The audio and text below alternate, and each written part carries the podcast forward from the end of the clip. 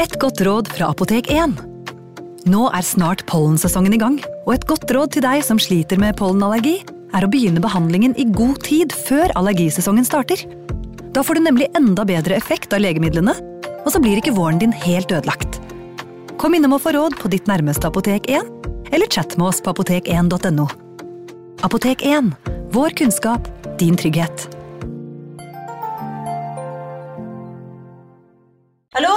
Jeg kommer fra Oslo politikammer.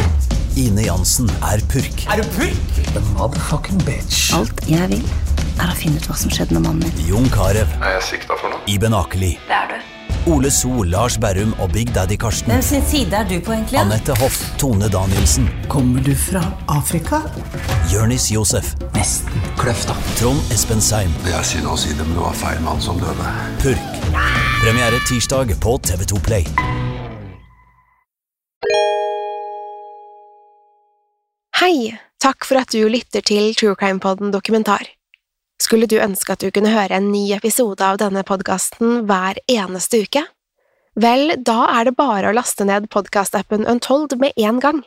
I tillegg til ukentlige episoder av podkaster som Skrekkpodden, Synderne og True Crime Podden, får du masse annet reklamefritt og eksklusivt innhold. Last ned Untold i AppStore eller Google Play, og start din 30 dagers prøveperiode i dag. you.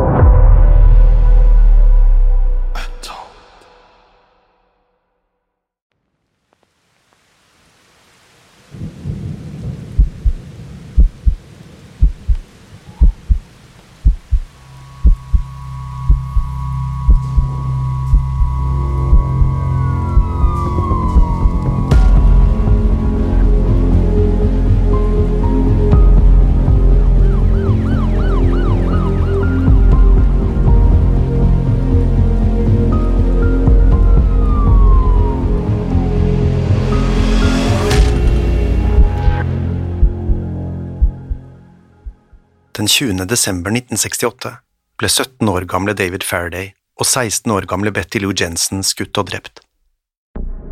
Som vi hørte i forrige episode, hadde det unge, nyforelskede paret vært ute på stevnemøte en førjulskveld. Det var en kveld preget av sommerfugler i magen og stjålne blikk, kanskje noen klønete samtaler i forsetet på bilen de satt i, klamme hender og forventninger til hvordan kvelden ville ende. Det som skulle være den mest magiske kvelden i deres liv, endte i stedet i tragedie.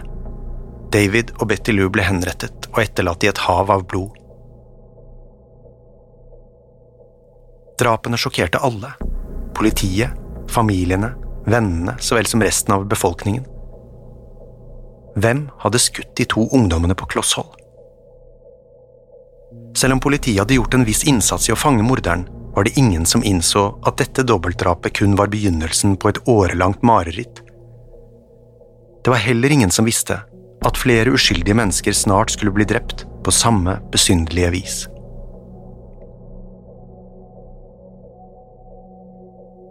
Blue Rock Springs, Vallejo, California, den 4. juli 1969. En politipatrulje har fått melding om at det har vært en skyteepisode ved en parkeringsplass i Blue Rock Springs. De to uerfarne politimennene som er i nærheten av åstedet, ankommer bare minutter etter at beskjeden lød over sambandet.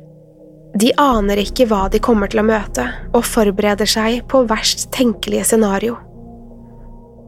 Er skytteren fremdeles på åstedet? Ligger han kanskje i bakhold og venter på at de skal gå ut av bilen? Hvor mange er skutt? Har kanskje noen blitt drept? Når de to kommer til åstedet, er alt stille og rolig. En bil står parkert på en av parkeringsplassene. Døren på passasjersiden er åpen, og den leder mot en grøft og en liten nedoverbakke. Døren på førersiden er lukket.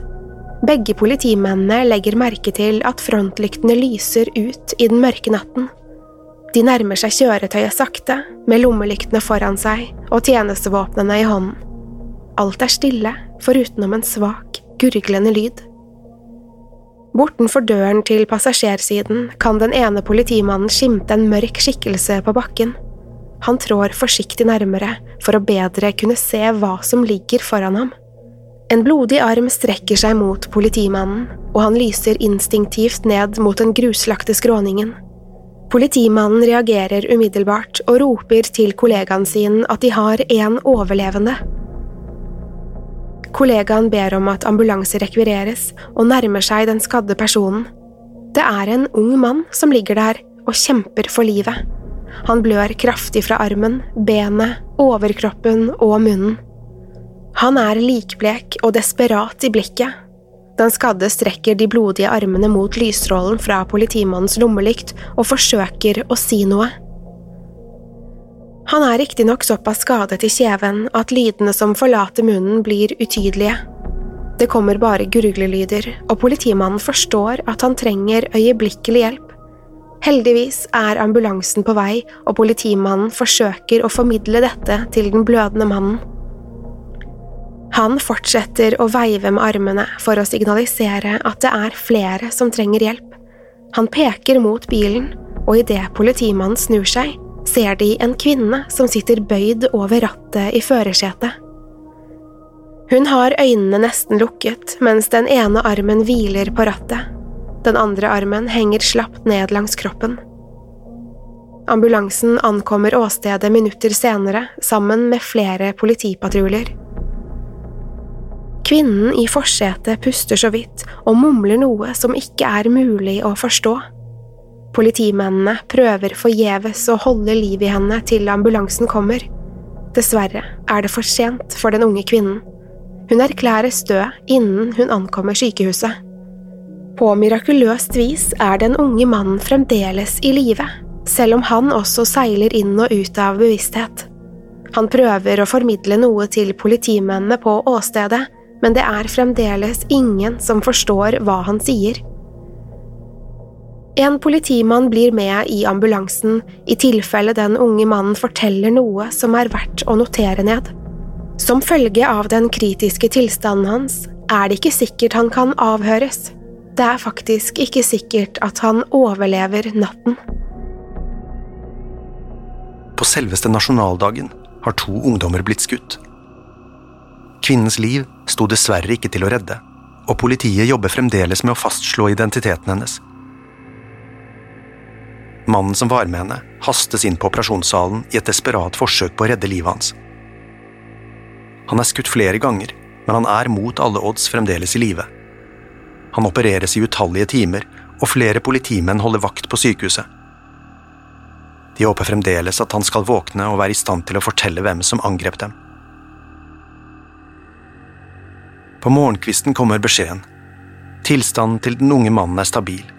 Han er hardt skadet og fremdeles svært preget av situasjonen, men det ser ut til at det skal gå bra med ham.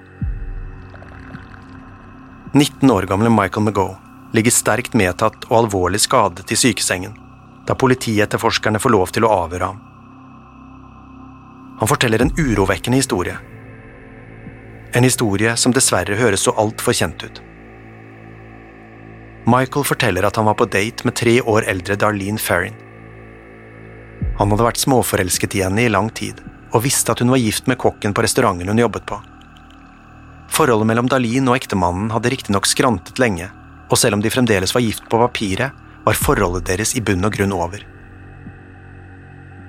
Dalin var bare 22 år gammel, men så enda yngre ut. Når hun smilte, fikk reguleringen henne til å se ut som en tenåring. Men Dalin var ikke en tenåring. Hun var en moden og selvstendig ung kvinne som tok sine egne valg i livet. Hun hadde et barn som hun elsket mer enn noe annet, men hun var likevel ikke klar til å roe seg helt ned. Denne kvelden hadde hun ordnet barnevakt og gledet seg til å treffe Michael McGoe. Darlene hadde i en periode truffet flere andre, deriblant Michaels tvillingbror. Dette hadde likevel ikke stoppet Michael fra å bene ut på en romantisk date denne vakre julikvelden. Han hadde blitt overlykkelig da hun endelig hadde takket ja til å møte ham. Michael Margot var nemlig ingen pikenes Jens. Han var tynn og hengslete, sjenert og kanskje litt klønete. Han var spesielt selvbevisst når det kom til fysikken. For å kompensere for sin tynne figur brukte han gjerne flere lag med klær for å fremstå mer muskuløs. Dette var også tilfellet denne varme julikvelden. Der de fleste kledde seg lett og luftig, gikk Michael med flere bukser og gensere for å gi selvtilliten et lite løft. Han hadde riktignok kommet i snakk med Darlene ved flere anledninger, da hun jobbet som servitør på en populær diner i lokalmiljøet. Darlene var kvinnen som nesten alle ville ha. Hun var søt og frodig, med et smittende humør og en kjapp replikk. Det var ikke bare Michael og tvillingbroren som hadde pekt seg ut Darlene som en favoritt. Da det ble kjent at ekteskapet hennes var i ferd med å avsluttes, var det ikke mangel på tilbud. Darlene hadde vært på date med et antall menn, og selv om flere som bodde i området tenkte sitt om at hun var såpass løssluppen, brydde hun seg ikke om hva andre tenkte. Hun ville leve livet sitt til det fulle og nyte hver eneste dag, noe hun så absolutt gjorde. Michael McGough hadde altså hatt et godt øye til Darlene i månedsvis, da hun endelig takket ja til et stevnemøte med ham. Michael hadde vært nervøs for daten og hadde ikke helt visst hva de skulle finne på. Valget falt til slutt på å kjøpe noe godt å spise, før de parkerte ved Blue Rock Springs, et populært sted for nyforelskede ungdommer som ønsket seg litt privatliv. Da Michael og Dalin hadde kjørt fra restauranten, hadde de begge lagt merke til at en bil fulgte etter dem. Dalin hadde lenge klaget over at en mann ved navn Richard hadde vært ubehagelig mot henne. I det siste hadde han til og med begynt å følge etter henne. Kvelden før daten med Michael McGaugh var inget unntak. Helt fra dineren Dalin jobbet på, der de hadde avtalt å møtes, og hele veien til Blue Rock Springs, hadde han kjørt etter dem. Dalin satte opp farten, men klarte ikke å riste av seg bilen uansett hvor fort hun kjørte. Tidligere hadde også Dalins barnevakt, Karen, opplevd noe ubehagelig. Utenfor huset deres hadde det stått en lys bil av merket sedan. Det hadde sittet en mann inni bilen og tilsynelatende kikket mot huset. Det var mørkt men Karen ble etter hvert overbevist om at denne mannen spionerte på henne. Hun kikket ut av vinduet flere ganger og så gløden fra sigaretten hans gjennom frontruta. Da han fyrte opp en ny sigarett, så hun ansiktet hans tydeligere i lyset fra fyrstikken. Han var en kraftig mann med et rundt ansikt og bølgete mørkt hår. Karen mente at han måtte være i 40-årene. Karen ble så bekymret at hun søkte tilflukt på barnerommet og ventet der til Dalins ektemann kom hjem fra jobb. Innen han var hjemme, hadde riktignok bilen forsvunnet, og Karen begynte å tenke at hun kanskje hadde overreagert. Karen valgte likevel å fortelle Darlene om denne opplevelsen, og Darlene virket å anta at dette var en beskrivelse av en mann hun allerede kjente til. Karen kunne riktignok ikke huske hva Darlene kalte han. Darlene virket uansett ikke altfor opprørt av denne fortellingen. Dalins søster beskrev en lignende opplevelse med en mann som etterlot flere pakker utenfor Dalins hjem. En dag åpnet hun døren og tok denne mannen på fersken da han etterlot en pakke. Han var en kraftig mann med bølgete hår og hornbriller. Hun kunne fortelle at hun hadde sett denne mannen utenfor hjemmet til Dalin tidligere. Han hadde da sittet i bilen sin mens han tilsynelatende holdt øye med hva Dalin foretok seg. Darlene hadde nektet å fortelle hva som var i pakken. Søsteren hennes følte likevel at noe var annerledes med Darlene etter denne hendelsen. Hun var plutselig i hastverk og var nødt til å ta en telefon før hun hastet søsteren ut av huset. Hun spekulerte senere at disse pakkene kanskje var sendt fra Mexico, og Darlins eksmann Jim. Det hadde vært et kort ekteskap, og Darlene var tilsynelatende livredd for at Jim igjen skulle bestemme seg for å oppsøke henne. Det var åpenbart at Aline hadde mange beilere, og noen av dem hadde tilsynelatende en usunn besettelse. Det er likevel uvisst om alle disse episodene kretset rundt samme person, eller om det var flere menn som hadde plaget Arlene. Hun virket likevel sikker i sin sak da hun fortalte Michael at det var Richard som fulgte etter dem fra restauranten. Darlene var aldri interessert i Richard, og sa flere ganger til Michael at han ikke var noe å bry seg om.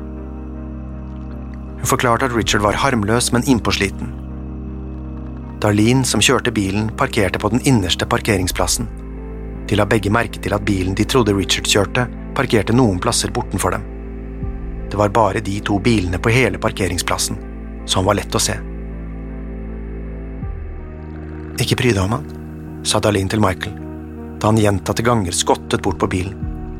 Han er harmløs, gjentok hun. Bare la det være. Michael gjorde som Darlene sa, og prøvde å ikke tenke på at de ble overvåket av en av Darlene's beundrere. Etter kort tid kjørte heldigvis bilen videre. Endelig var det bare de to, og Michael kysset Darlene for første gang. Ikke lenge etterpå kunne de igjen skimte frontlykter på en bil som kjørte inn på parkeringsplassen. Det var ikke lett å se noe, for mørket hadde falt på og parkeringsplassen var dårlig opplyst. Verken Dalin eller Michael klarte å se hvem det var som kom kjørende, men begge antok at det var Richard som ikke ville la dem være i fred. Denne gangen ble Michael ordentlig irritert, men Dalin roet ham ned. Hun gjentok nok en gang at det ikke var noen grunn til å bekymre seg for Richard. De fortsatte med det de holdt på med da de hørte at en bildør smalt igjen. Begge snudde seg mot lyden og så en skikkelse komme mot dem. Mannen som steg ut av bilen, lyste en blendende lommelykt rett i ansiktene deres. Michael trodde nå at det var en politimann, fordi han spurte om de hadde ID-kort på seg. Han pekte hele tiden lommelykten i øynene deres. Den fremmede mannen forsvant i det sterke lyset. Før de rakk å foreta seg noe mer, hørte Michael lyden av metall som traff ruta. I neste øyeblikk ble det avfyrt skudd. Michael så at Aline sank sammen da hun ble truffet av kulene som passerte gjennom kroppen hans. Det var et voldsomt smell, men det var ikke så høylytt som Michael hadde forventet. Han antok derfor at våpenet hadde en form for lyddemper. Michael forsøkte å komme seg ut av bilen og grep desperat etter dørhåndtaket. Til hans store skrekk var det ikke noe håndtak å gripe fatt i. Michael var fanget inne i bilen og hjelpeløs mot den bevæpnede mannen. Dalin var allerede skutt flere ganger og blødde kraftig fra overkroppen. Hun skrek og forsøkte å blinke med frontlyktene som for å påkalle oppmerksomhet til parkeringsplassen. Michael ble skutt i ryggen og armen. Han kunne høre Dalins rop om hjelp som ble svakere og svakere. Til slutt hadde hun ikke krefter igjen til å rope, og bare svake, jamrende lyder kunne høres. Skytteren var på vei tilbake mot bilen sin og grep tak i dørhåndtaket da han igjen snudde seg mot Dalin og Michael. I lyset fra bilen kunne Michael endelig se ansiktet hans. Han hadde et kraftig utseende med et stort ansikt. Han så ikke ut til å ha på seg briller, men hadde kort, bølgete hår klippet i en militærinspirert frisyre. Han var stor, men ikke tykk, og heller ikke spesielt høy. Han la merke til at Michael fremdeles beveget seg og returnerte nå for å fullføre jobben. Han kom stadig nærmere, og var snart fremme ved bilen. Han lente seg gjennom det åpne vinduet og avfyrte flere skudd. Michael var fullstendig forsvarsløs og begynte å sparke vilt med beina, men skuddene føk rundt han. En av kulene traff ham rett i kneet. Han skrek ut i et skarpt brøl. Michael ville komme seg vekk, men han var fullstendig fanget inne i bilen. I desperasjon kastet han seg mot baksetet, hvor han fortsatte å sprelle vilt med beina. Pistolmannen avfyrte de to siste skuddene mot Dalin før han hastet tilbake til bilen sin og kjørte av gårde. Da angrepet var over, klarte endelig Michael å komme seg ut av bilen. Han fikk røsket opp døren og veltet ut på den harde asfalten. Michael kjente en brennende smerte i halsen, armen og kjeven. Han spyttet blod og kjente at kroppen ble svakere og svakere, og gjorde alt han kunne for ikke å miste bevissthet. Han hadde blitt skutt i benet, i armen og i nakken. I tillegg hadde en kule passert tvers gjennom kinnene hans. Da han forsøkte å rope etter hjelp, produserte han bare gurglelyder. Michael var klar over at hvis han sovnet, ville han kanskje aldri våkne igjen. Kort tid etter at Arlene hadde blitt erklært død, mottok politiets sentralbord en merkelig telefon. En mann ringte fra en telefonkiosk i Vallejo med informasjon om angrepet. Stemmen hans var rolig, og ordene hans virket nesten opplest eller innøvd. Han gikk rett på sak og begynte å fortelle at han ønsket å melde inn et dobbeltdrap. Innringeren fortalte at et ungt par hadde blitt skutt og drept på en parkeringsplass i nærheten av Columbus Parkway. Dette var riktignok ikke en bekymret forbipasserende som ønsket å rapportere en kriminell handling. Det ble snart åpenbart at det var gjerningspersonen selv som hadde kontaktet politiet. Han fortalte at Michael og Darlene hadde blitt skutt med en 9 mm Luger håndpistol. I samme åndedrag fortalte han at han også sto bak drapene ved Lake Herman Road. Etter å ha levert dette budskapet sa innringeren adjø og la på røret. Det var med dette åpenbart at politiet sto overfor en drapsmann ulikt noe de tidligere hadde sett. Da de fikk sporet samtalen, viste det seg at han hadde ringt fra en telefonkiosk rett utenfor sheriffkontoret i Vallejo. Det var altså ikke nok for han å håne politiet. Han gjorde det med en særegen, kjepphøy fremtoning. Denne telefonkiosken var antageligvis valgt med omhu. I tillegg til å ligge like ved sheriffkontoret var det nemlig kun et steinkast fra hjemmet til Darlene. Etter at han la på røret, må han ha blitt stående i telefonkiosken i et lite øyeblikk. Da telefonen plutselig begynte å ringe, ble han nemlig observert av en forbipasserende. Vitnet la merke til det han beskrev som en tettbygd mann inne i telefonkiosken. Han skal ha løftet av telefonen for å stanse ringingen. Blikkvekslingen varte i bare et øyeblikk før han hastet ut av telefonkiosken og videre ut i nattemørket. Drapet på Darlene Ferrin hadde mange likhetstrekk med hendelsen ved Lake Herman Road. Det var ingen åpenbare motiv. Ingen ble ranet, og det var heller ingen forsøk på seksuelle overgrep. I begge tilfellene ble to unge mennesker overrasket midt i et intimt øyeblikk. De ble angrepet av en bevæpnet mann som avfyrte flere skudd innenfor noen få minutter. Men heller ikke denne gangen hadde gjerningsmannen etterlatt seg verdifulle spor. Det var mye som tydet på at gjerningspersonen hadde inngående kunnskap om området, og kanskje også ofrene. Darlene Ferrin kjente til Betty Lou Jensen og bodde like ved hennes videregående skole. Kunne det være at gjerningspersonen vanket i samme miljøer, eller delte noen bekjentskaper med disse unge kvinnene?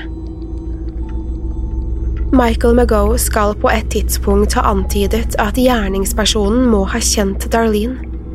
Morderen skal angivelig ha skreket ut navnet hennes eller en forkortet versjon under angrepet. Michael har riktignok blitt kritisert for de mange små forandringene i vitneforklaringene sine. Noen fryktet at Michael visste hvem som hadde skutt dem, men valgte å holde dette hemmelig i frykt for represalier. Da etterforskerne lærte om telefonsamtalen fra den selverklærte gjerningsmannen, begynte politiet å lete etter en sammenheng mellom de to drapssakene. De var likevel forsiktige med å oppgi for mange detaljer. Enn så lenge hevdet de at likhetene mellom de to hendelsene var grunnen til at sakene ble etterforsket som relaterte forbrytelser. Tre mennesker var døde, men dette var likevel bare begynnelsen. Enn så lenge behandlet politiet dette som en vanlig drapsetterforskning, men snart var alt i ferd med å endre seg. Dette skulle ikke være en tradisjonell jakt på den skyldige. Denne gjerningspersonen ønsket nemlig å bli jaget. Morderen hadde allerede kontaktet politiet én gang, og snart skulle han gi lyd fra seg igjen. Morderen var ikke tilfreds med å erte politiet med anonyme telefoner. Det skulle snart bli åpenbart at han ønsket et langt større publikum. En snau måned etter drapet på Darlene Ferrin mottok tre aviser i San Francisco-området et brev. Avsenderen hevdet å stå ansvarlig for skyteepisodene ved Lake Herman Road og Blue Rock Springs. Det var riktignok ingen tilståelse eller rop om hjelp. Brevet inkluderte tre ulike kryptogrammer som sammen skulle avsløre morderens identitet. Morderen krevde at disse ble publisert på førstesiden av alle tre avisene, ellers lovet han å iverksette en blodig drapsorgie. Brevene var anonyme, men signert med et symbol bestående av en sirkel og et kors som lignet sikte på et gevær. Og med dette skulle legenden om The Zodiac Killer bli født.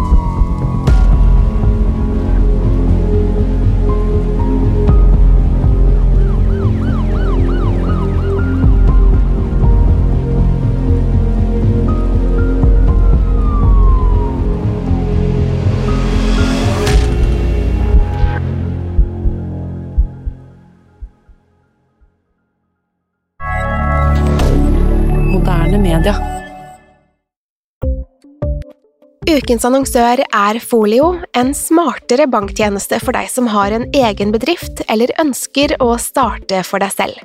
Folio er en superenkel nettbank for bedrifter. Som kunde i Folio får du en bedriftskonto med et bedriftskort og app. I denne appen er det smarte løsninger som forenkler regnskapet ditt, uansett om du har en liten bedrift eller et enkeltpersonsforetak.